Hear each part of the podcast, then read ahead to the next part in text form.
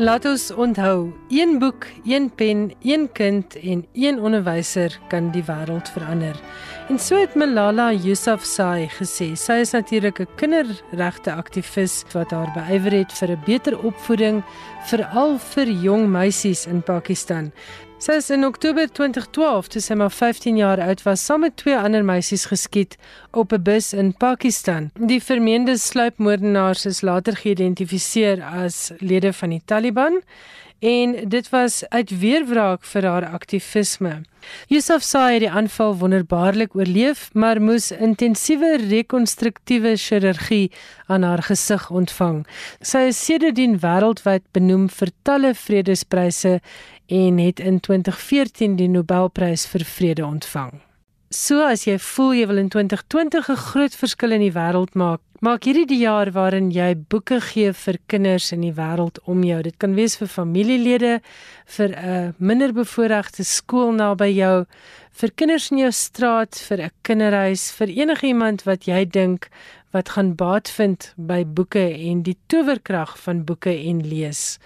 Ek is Elsje Salzveld by welkom by van dese week se skrywers en boeke. Jy luister na my op RSG 100 tot 104 FM.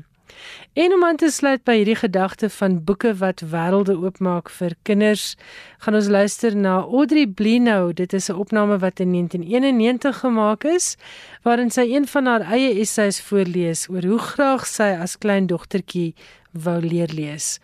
Dit kom uit die SABC argiewe en dis regtig wonderlik om Audrey in haar eie stem te hoor vertel van die groot wêreld wat boeke vir haar oopgesluit het. Ontspan en geniet dit.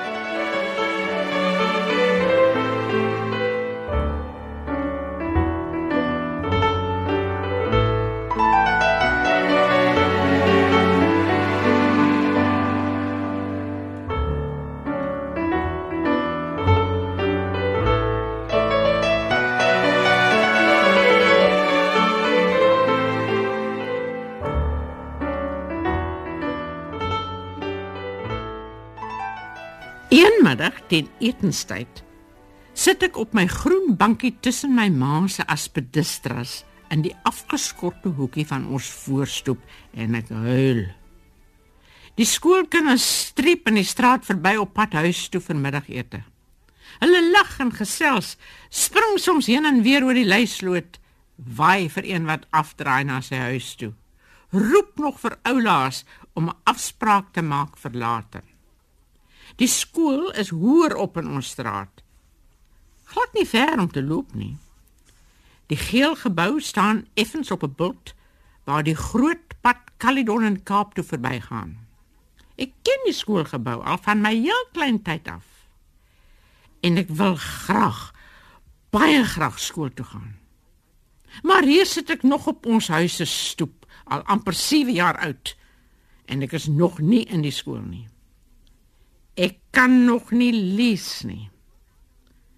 As ek 'n boek oopmaak, kan ek net na die prentjies kyk. En baie boeke het glad geen prentjies nie, net blaaie met rye rye lisies, lisies, lisies. Lisies wat ek nie kan lees nie. Ek wil die lisies lees, soos mammy lees en papi en Esther Fox wat van Riversdale afgekom het om mammy met ons kinders te help. En Cornelia, ons kok se poekie wat al vergeet in die skool is. Mammy lees elke dag vir my uit The Wonder Book for Children. Wat sy vir my uit die Kaap bestel het. Ek ken al die stories lankal uit my kop. Maar mammy moet hulle nog vir my lees. Terwyl sy lees, sit ek baie stil op my groen bankie en luister hoe sy lees. Die bankie het Duwian vir my van kusplankies gemaak en groen geverf. Duwian bring altyd vir ons groente uit sy groentetuin in die onderdorp. En soms doen hy vir mammie houtwerkies. Die groen bankie is my lees luisterbankie. Ek trek die bankie styf teen mammie se groot blou stoel voor haar kamervenster en terwyl ek luister, streel ek deurentyd met my hand oor die moesie op mammie se arm. Maar mammie kan nie heeldag vir my lees nie. Sy het mos nou 'n baba. 'n hele lang ruk al. Dis 'n broertjie wat ek en my suster Yvonne gekry het. Die broertjie se naam is John Kennedy Swart. John is sy een naam, want papi se naam is Johan. Kennedy is sy ander naam, want mamma se van was Kennedy voor sy met papi getroud is. Ons noem ons broertjie sommer Kenny. Maar ek is glad nie erg oor hom nie.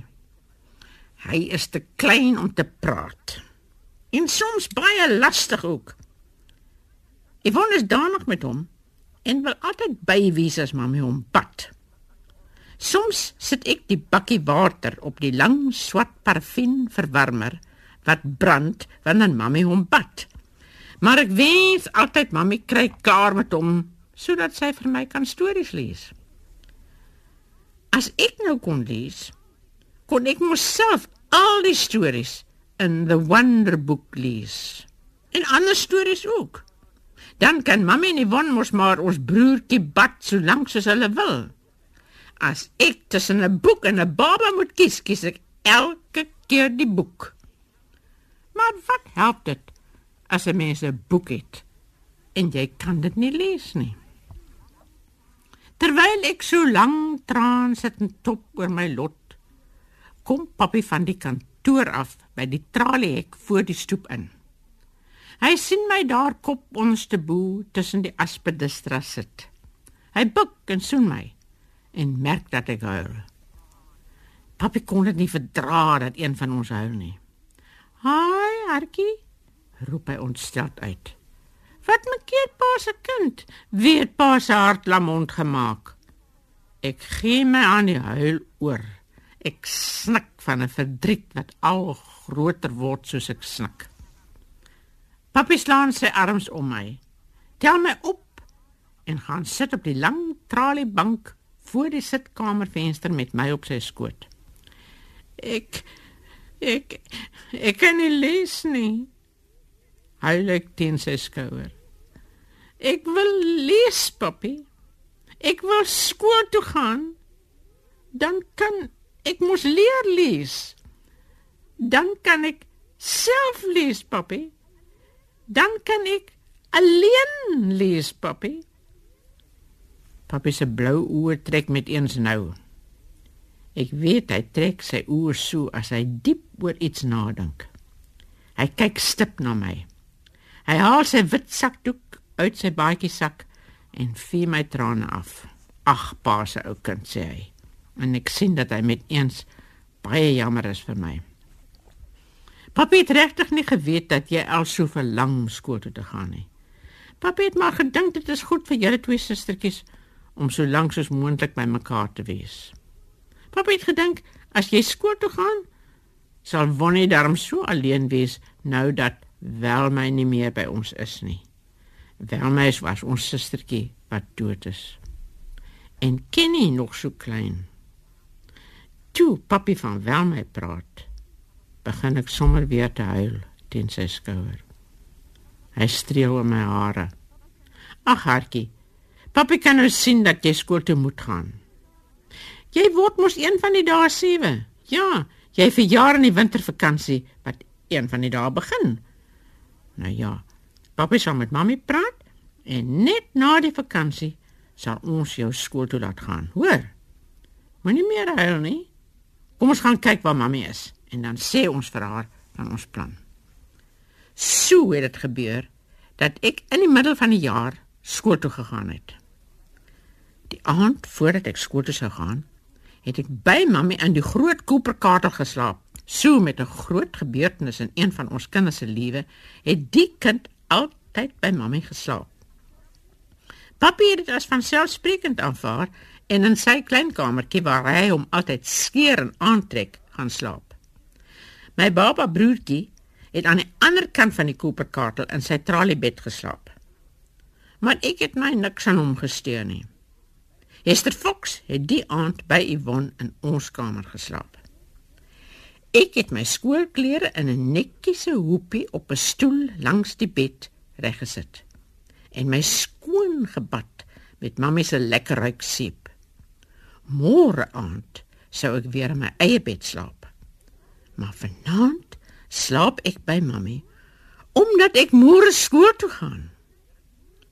Ek wonder niks gesê oor my skool toe gaan ry nie.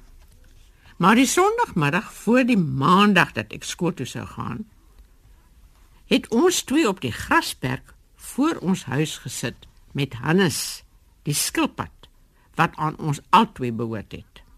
Duvian het eendag saam met sy groente die skilpad vir ons gebring en beduie dat dit vir ons albei 'n present is. Die Sondagmiddag dink ek toe skielik daaraan dat Yvonne by die huis gaan bly wanneer ek skool toe gaan. Dalk gaan sy tog alleen voel. Welmy is weg, soos papi gesê het. En die Kenny baba is nog te klein om met haar te speel. Toe kry ek 'n goeie gedagte. Ek tel die skilpad op en sit hom voor die wond neer. Kyk, sê ek. Ek gee vir jou 'n present. Ek gee vir jou my helfte van Hannes. Van vandag af is Hannes net joune. Wou net nie jy's bly gelyk oor haar present nie. En ek het afgehaal gevoel. Gaan jy nou van môre af lees? vra sy.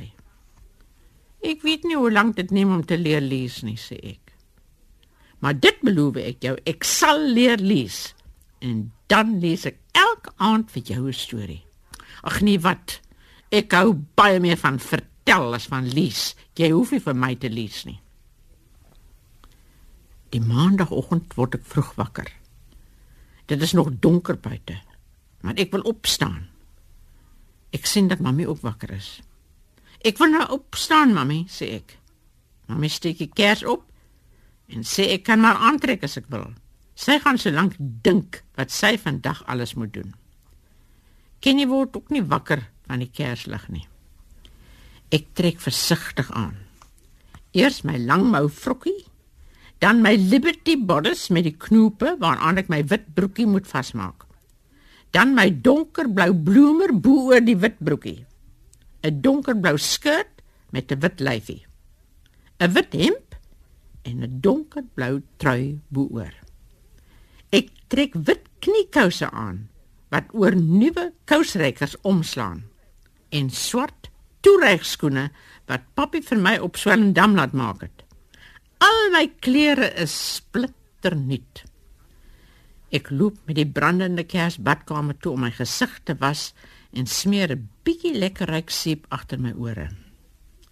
Mamy het vir Miss Kloete, die sep A onderwyseres, gevra om my skool toe te neem omdat dit die eerste dag is dat ek skool toe gaan. Nou staan ek op die voorstoep en kyk of Miss Kloete aankom.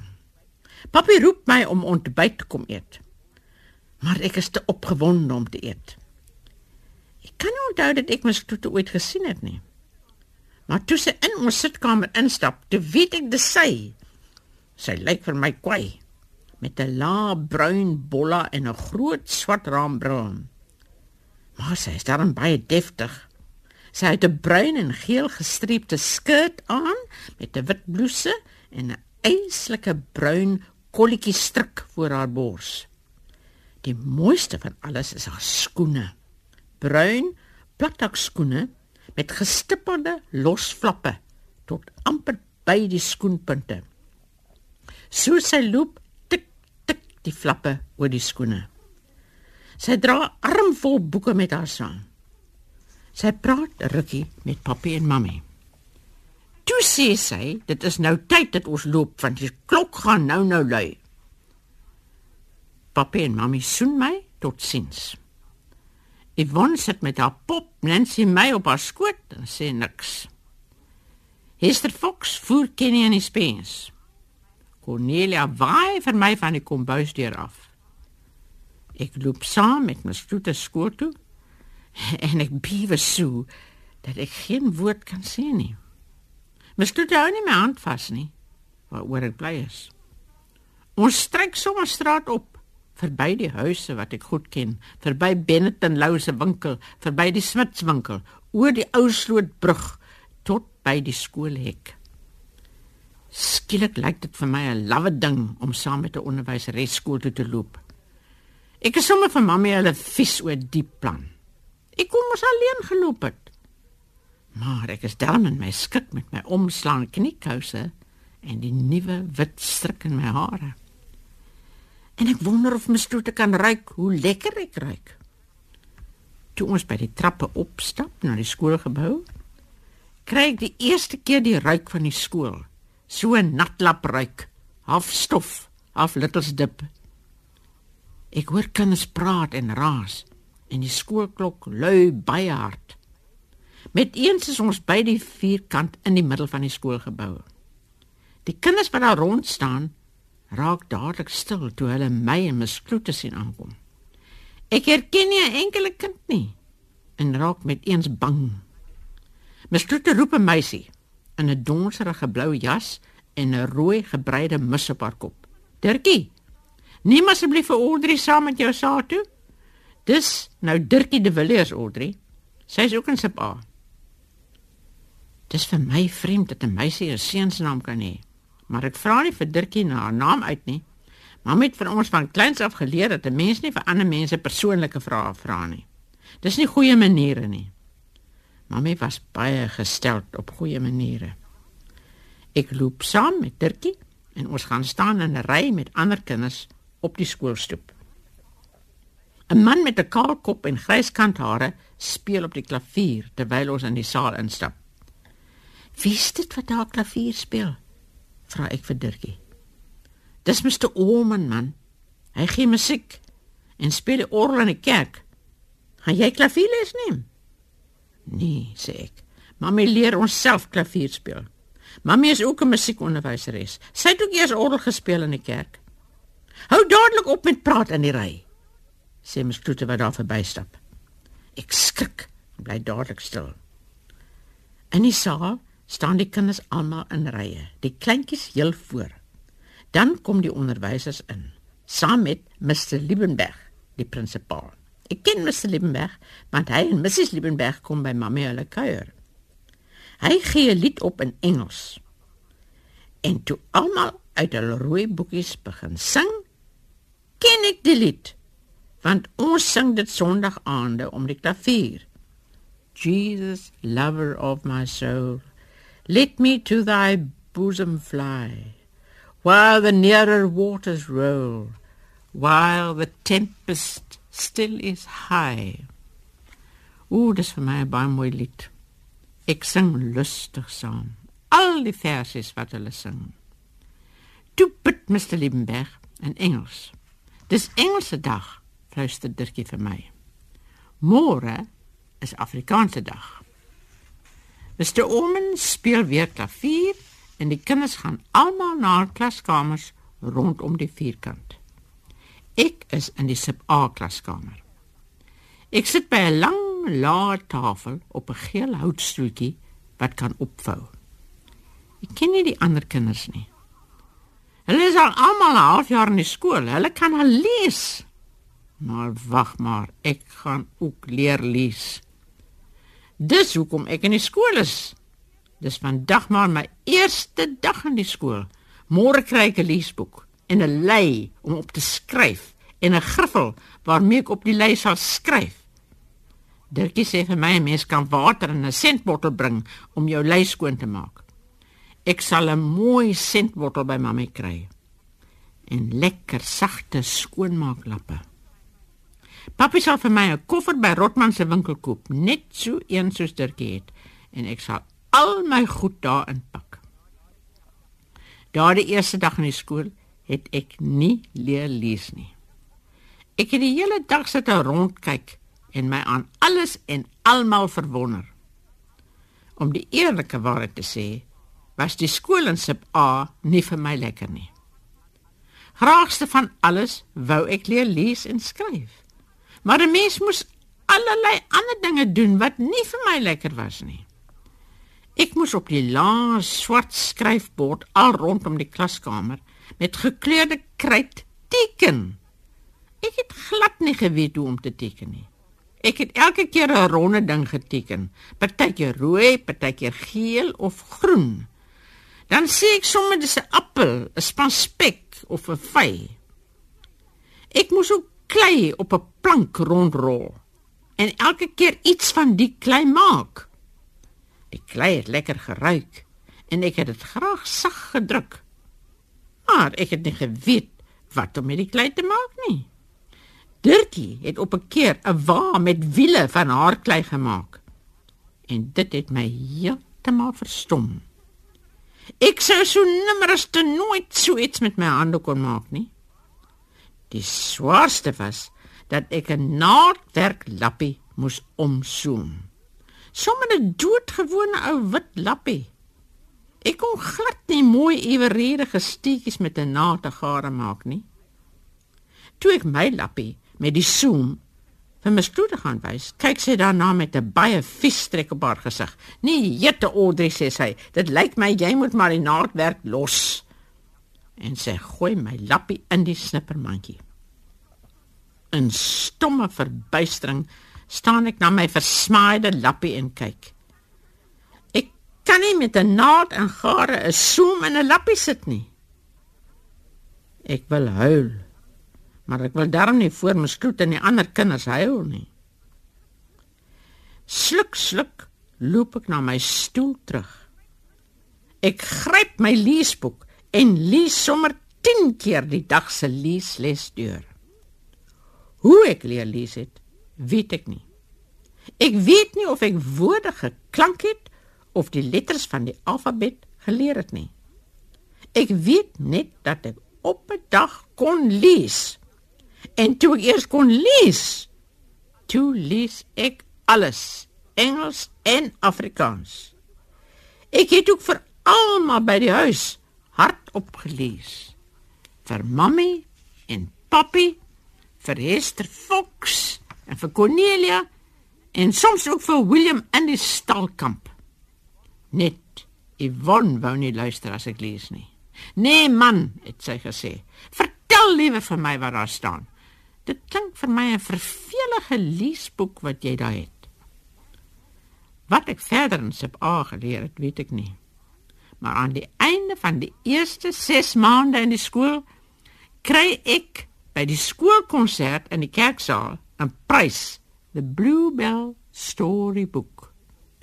Buite op die boek was daar 'n pragtige prentjie van 'n dogtertjie in 'n groen rok wat 'n eislike bos bluebells vashou. Daardie aand kon ek my prysboek self deurlees. En die volgende dag het ek vir Yvonne al die stories vertel.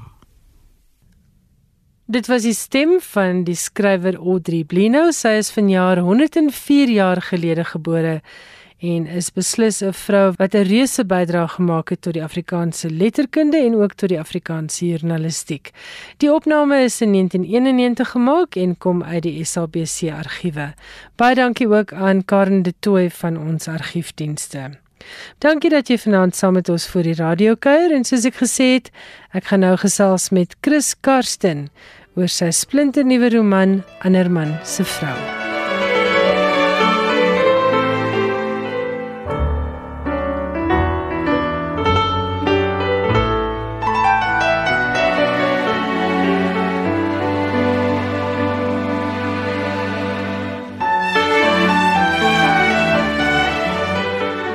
Ek gesels vanaand in skrywers en boeke met Chris Karsten. Chris, baie welkom in die skrywers en boeke ateljee en welkom terug in Suid-Afrika.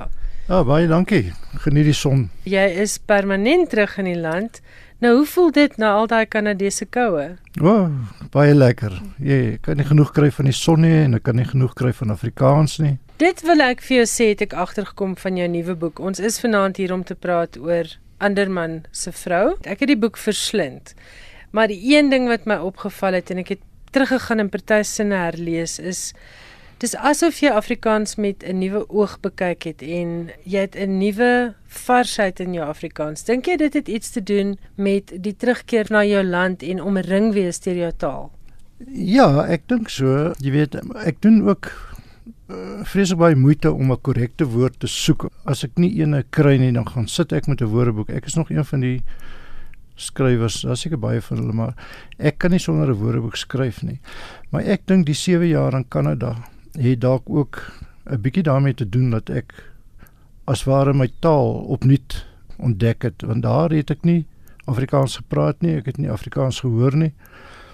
Ehm um, ek het dit geskryf en gelees. So ek dink dit was vir my half 'n ontdekkingstog weer om die korrekte woorde en die mooi woorde wat ons in Afrikaans het en wat half miskien 'n bietjie vergeet te raak omdat mense geriefliker is om ou klisjées en jy weet ou woorde te te gebruik.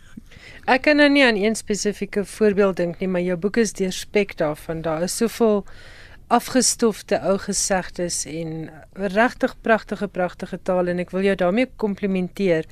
En daar was vir my ook 'n uh varsheid aan hoe jy geskryf het. Dis vir my keurig. Ek weet nie ek het nie regtig 'n beskrywing daarvoor nie. Dit lyk net vir asof daar ontsettend baie moeite in die skryf van ander man se vrou ingegaan het. Het jy langer daaraan gewerk as aan jou vorige romans?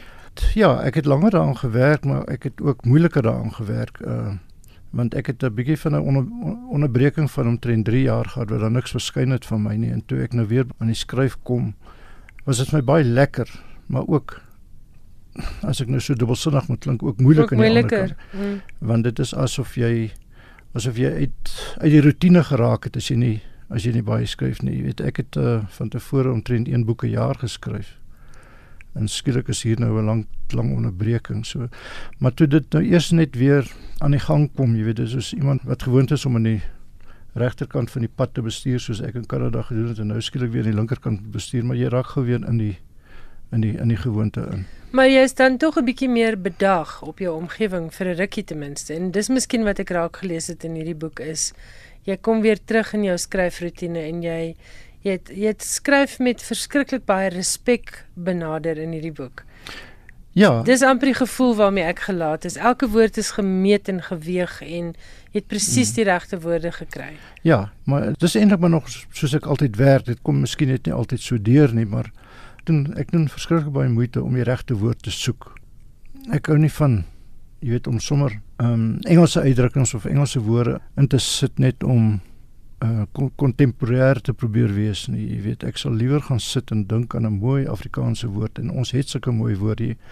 Mens moet net moeite doen om hulle te gaan soek. Hulle is daar. Ons kom nou 'n bietjie by die storie agter die storie van Anderman se vrou. Dit is 'n verhaal wat optel waar seisoen van sonde geëindig het, maar dit is 'n losstaande boek. Ek wil dit sommer van die begin af vir mense sê as jy nie seisoen van sonde gelees het nie, kan jy gerus in elk geval hierdie boek aanskaf jy gee as skrywer genoeg uh weg in die verhaal dat 'n mens presies weet waaroor dit seisoen van sonde gegaan, maar natuurlik sit vir my lekkerder om goed saam te lees. Geef vir ons luisteraars net 'n kort sinopsis van Anderman se vrou. Ehm um, sonder om die geheime weg. Ja, ja, ja. Dit gaan oor vyf jong mense wat in die 80er jare in daai wilde politieke bestel wat ons gehad het weggeraak het uit die Kaap uit. Hulle word genoem die Bonteheuwel 5 in die boek. En een van hulle vriende het hulle verraai. En sy naam is Portus en hy is gemartel om hulle name uit hom uit te kry. En 'n man met die naam van Wim Kellerman het hom gered, 'n wetenskaplike en hom na sy skoenlapperplaasie daar in die Outenico berge gevat en hom soort van omgesien.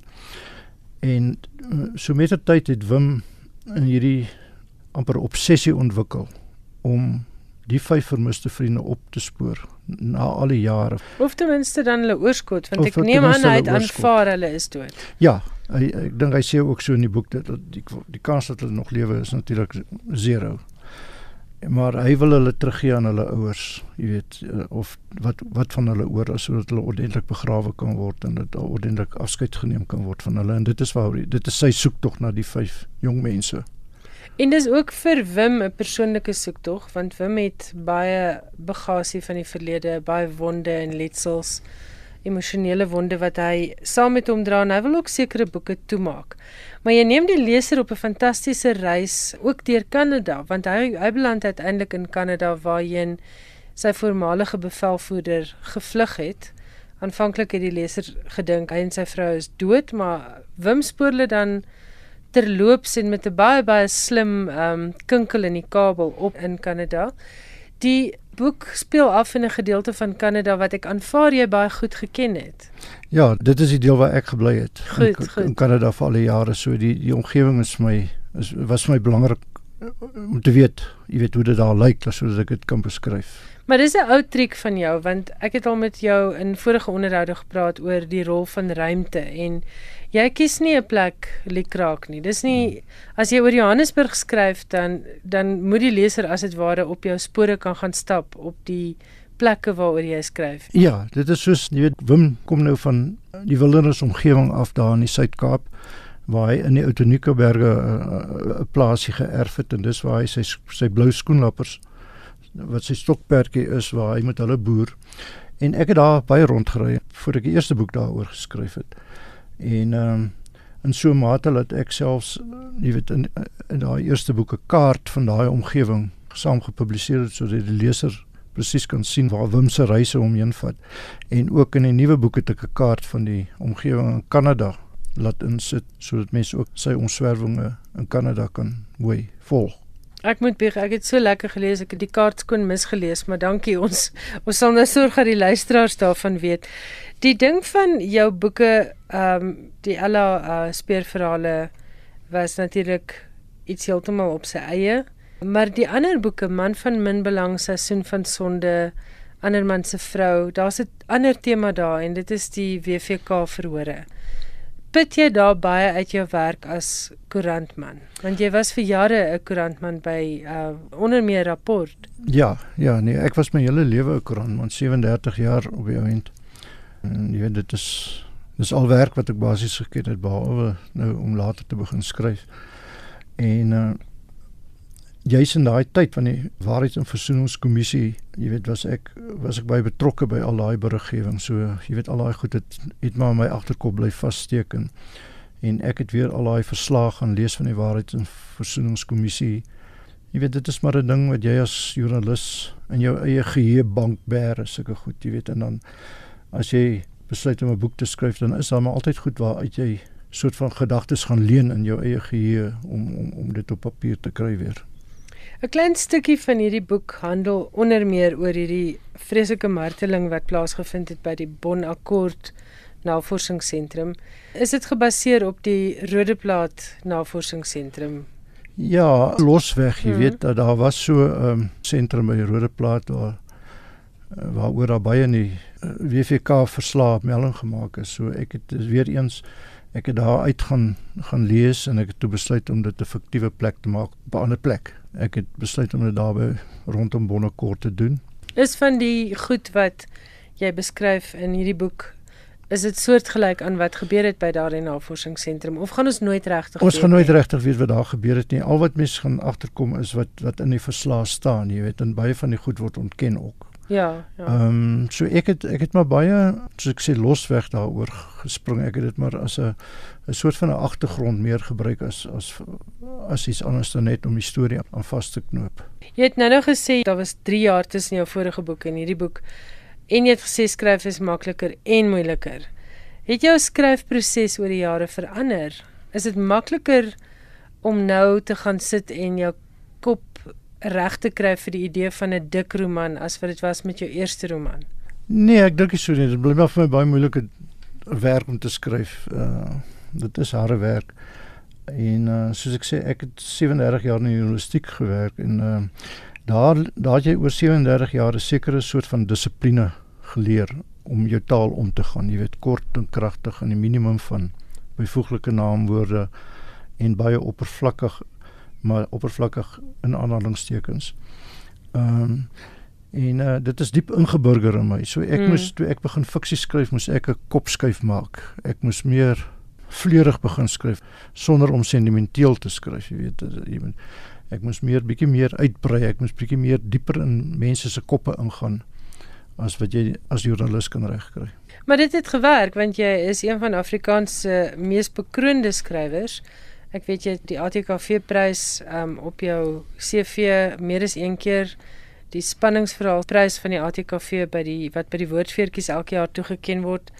Uh kyk net in uh ander pryse of Mnet pryse, maar die ding van skryf, wat is dit wat jou fascineer? Dis nie die pryse of die geld nie of die roem nie. Nee, wat? Nee, dis is maar net 'n uh, jy weet, hulle sê in elke joernalis is daar 'n boek. Party skryf die boeke en ander skryf dit nie. Ek het net 'n behoefte gehad om my eie karakters te skep mm. nadat ek so lank ehm um, met ander feitelike karakters omgegaan het feitelike mense. Wou ek 'n slag my eie fiktiewe karakter skep. Ek wil vir die ou 'n naam gee. Ek wil in sy kop inkom. Ek wil ehm um, sê wat hy dink. Ek wil doen hy moet doen wat ek sê wat hy moet doen. In die journalistiek is jy aangewese jy weet jy word gekonfronteer met 'n sekere gegewe en jy kan nie daarvan afwyk en dit was net vir my lekker om om 'n slag as as ware vrye teels te kry met my skryfwerk. Jy en uh, Dion Meyer en Rudy van Rensburg het in Bloemfontein saamgesels. Julle is al drie oud Volksblad manne en julle is ook al drie baie suksesvolle spanningsverhaalskrywers en ek dink as ek nou reg gelees het, was dit jy wat die aanhaling gehad het van spanningsfiksie wat 'n menuet is tussen uh, orde en chaos. Ja, menuet van orde en eintlik chaos en orde. Ehm um, Ja. Dit is soos dit is soos ek toe agtergekom het. Ek het dit iewers raak gelees. Dis nie my blink idee nie. Dis 'n fantastiese uh, opsomming van die Dis 'n baie goeie opsomming want ek het altyd gewonder en mense vra altyd die vraag vir ons, hoekom uh, hoekom dink ons lees is misdaadboeke so gewild in Suid-Afrika veral jy weet in die lig van die groot misdaadsyfer in die land. En dit het my baie lank in die dink gesit en en toe ek on, uh, gedink ek wonder of dit nie is waaroor dit gaan nie is dat ons as misdaadskrywers het 'n soort van 'n ehm um, verhouding met ons lesers. Mm. Hulle verwag dat daai misdaad wat in jou boek gepleeg moet word aan die einde van die boek opgelos moet word, dat die die misdadiger moet in die pen ry. En dit is dalk 'n die soort van ontvlugting wat lesers skryf want hulle weet in daai boek ehm um, anderster is in die werklike lewe gaan daar uit die aanvanklike chaos met die moord of die misdaad wat gepleeg word vorder dit tot 'n soort van 'n orde. Mm, en mm. op die einde is die orde kompleet en die misdadiger word gevang en hy ry in die pen. En jy het as skrywer jou kontrak met jou leser nagekom. Dit is wat jy moet doen as as misdaadskrywer. Ek dink enige ontspanningsgenre het het 'n leser 'n bepaalde verwagting. Ek geniet spanningsfiksie juis vir dit wat jy nou gesê het. Daar is geregtigheid. Ja.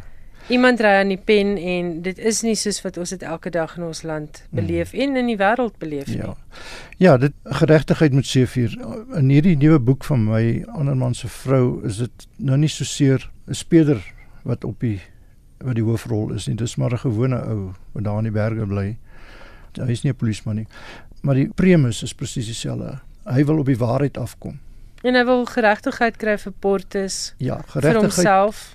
Ja, op a, op 'n ander manier as wat 'n uh, jy weet as as wat 'n polisieman geregtigheid kry. Mm. Kry hy geregtigheid en hy kry die waarheid. Uh, jy weet dit is wat hy soek. Jy lees baie Afrikaans. Uh, wat dink jy van hierdie uh spanningsverhaal genre van jou mededingers daarin? Of sien julle julleself nie as mededingers nie, as 'n broederskap dalk? Nee, ek ek sien hulle nie as mededingers nie. Ek dink daar's daar's plek vir elkeen. Jy weet my boeke byvoorbeeld verskil heeltemal van die ander né?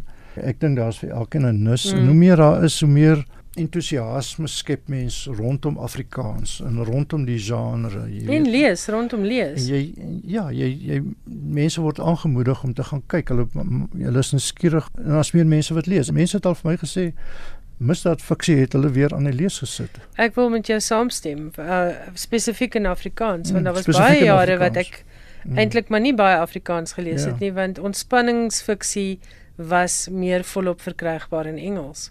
Ja. Wil vir jou laaste vraag vra. Uh jy het nou hierdie boek op die rak en jy's sekerlik weer lekker tuis in Suid-Afrika en bietjie meer gesettel soos die Engelse sal sê. Is jy nou weer aan die skryf? Is daar 'n nuwe blinkplan? Is kom Ella terug? Wat is die storie? Wat kan ons volgende verwag? ja, nee, dit is asof hierdie ander man se vrou my nou net weer 'n soort van gesneller het om om om te skryf so. Ek is nee, ek is al amper klaar met die volgende ene wat uh in Januarie aan die uitgewers af voorlê en dan moet hulle maar besluit of hulle hom wil aanvaar of nie. Kan jy iets verklap? Is dit Ella of is dit Wim Kellerman nee, of is dit 'n nuwe tema? Nee, ongelukkig ongelukkig kan ek nie. Nee, dit is nie Wim Kellerman nie. Ek sal hom nou maar eers 'n bietjie laat laat ja, rus. Ja, hy moet nou eers sy nuut gevonde geluk geniet. Ja, hy moet nou eers sy sy gelukkige wat hy langs die pad gekry het, hy nou eers geniet. Chris Karsten, heerlik om met jou te gesels. Baie lekker skryf en jou volgende boek is lekker om jou terug te hê in ons land en is altyd lekker om 'n nuwe boek van jou te lees. Baie dankie, Ilse. Ek was in gesprek met Chris Karsten. Ons het gepraat oor Anderman se vrou wat uitgegee word deur Iman en Resou. Skrywers en boeke. Alles wat jy oor die boekewêreld wil weet en meer. 'n Nuwe jaar en nuwe dinge en Johan Meiburg is by my in die ateljee met internasionale letterkunde waarna ons kan uitsien in 2020. Johan, baie welkom en ek hoop jy het 'n heerlike vakansie gehad. Dit was lekker geweest. Baie baie dankie. Waarna kan ons uitsien op die internasionale front? Wel, hoewel daar altyd verrassings is wat tot op die nipper geheim gehou word, is daar reeds aanduiding van 'n hele rak boeke wat vanjaar verskyn wat lesers van alle soorte fiksie opgewonde behoort te maak. In geen spesifieke volgorde nie, is hier 'n paar boeke waarvoor 'n mens die boekwinkel moet dophou. A Long Petal of the Sea is die Chileens-Amerikaanse skrywer Isabel Allende se jongste roman, 'n verhaal wat in Spanje van die 1930s afspeel. Francisco Franco het met sy fasistiese regime die regering oorgeneem en honderde duisende Spanjaarde het die grens oorgesteek na Frankryk. Onder die vlugtelinge is Rosaire, 'n swanger jong weduwee wie se pad die van haar oorlede man se broer kruis. Terwille van oorlewing moet hulle teen albei se sin 'n huwelik aangaan. Hulle vaar saam met 2200 ander vlugtelinge na Chili om in Suid-Amerika 'n nuwe lewe te begin. Allende is ook die skrywer van boeke soos The House of Spirits en Eva Luna. Die Ierse skrywer Sebastian Barry se jongste roman, A Thousand Moons, sit die verhaal voort van Thomas McNulty en John Cole wat die mens teëgekom het in sy roman van 2016, Days Without End, die Costa Book Pryswenner van daardie jaar. Die verhaal speel in die tyd van die Amerikaanse Burgeroorlog af en McNulty en Cole neem 'n Lakota weeskind Winona aan en bied haar 'n huis en 'n vorm van geborgenheid. In die naderdraai van die oorlog is die gesinsstruktuur egter broser as wat enigiemand van hulle kon vermoed. Van Rose Tremaine verskyn Islands of Mercy, nog 'n roman geplaas in die 19de eeu Dit is die verhaal van Jane Adine, 'n jong vrou wat moet kies tussen twee geliefdes. Aan die een kant 'n riskante verhouding met 'n vrou en aan die ander kant 'n huwelik met 'n oënskynlik respekteerbare dokter. Tremaine het verskeie pryse opgeraap met haar skryfwerk, onder meer die Bailey's-prys, die Whitbread-prys en die James Tate Black Gedenkprys. Daar is ook 'n nuwe boek van Joyce Carol Oates wat vanjaar verskyn. Night, Sleep, Death, The Stars. Die boek is 'n blik op die eie tyd se Amerikaanse samelewing deur die lens van 'n gesinstragedie. Die onthutsende maniere waarop 'n vermoënde man se volwasse kinders reageer na sy dood en ook sy weduwee. Die boek word beskryf as 'n verkenning van ras, sielkundige trauma, klassestryd, rousmart en uiteindelik genesing. Die 81-jarige Oates was by 5 geleenthede 'n finalis vir die Pulitzer Prosa Prys, die laaste keer in 2014 vir haar Lovely Dark Deep Stories.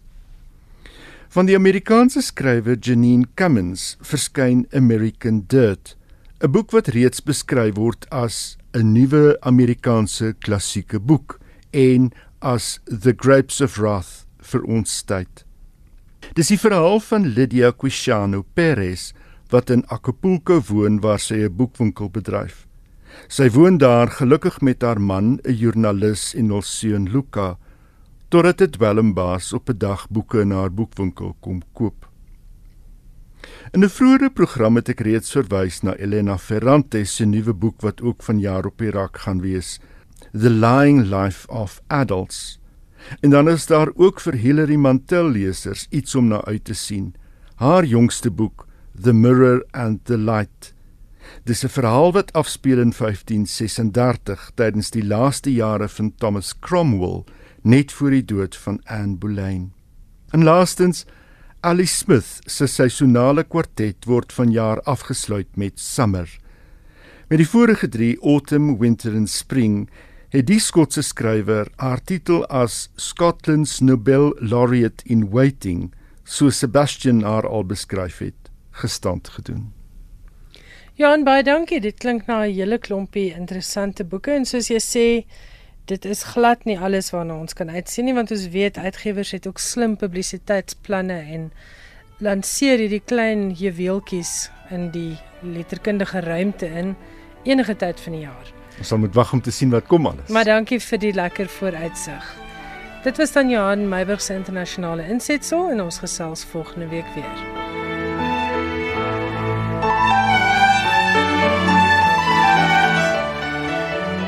Nou is dit ongelukkig tyd om te groet, maar volgende Woensdag aand is ek weer terug met nog 'n uitsending van skrywers en boeke en dan gaan ek gesels met Christine Barkhuizen Leroux oor 'n baie belangrike roman oor kindermolestering wat verlede jaar verskyn het. Die boek My naam is Prins en ek slaap met die lig aan werp lig op 'n kwessie wat beslis baie aandag verdien. Dit dan volgende Woensdag aand in skrywers en boeke. Tot dan, geniet die res van jou week, lekker lees en lekker radio luister en laat hoor gerus van jou. Die SMS nommer is 45889 en my e-posadres is skrywers en boeke by rsg.co.za. Tot volgende Woensdag aand. Ag hier groet ek Elsje Salzwetel en ek hoop jy het 'n fantastiese week. Totsiens.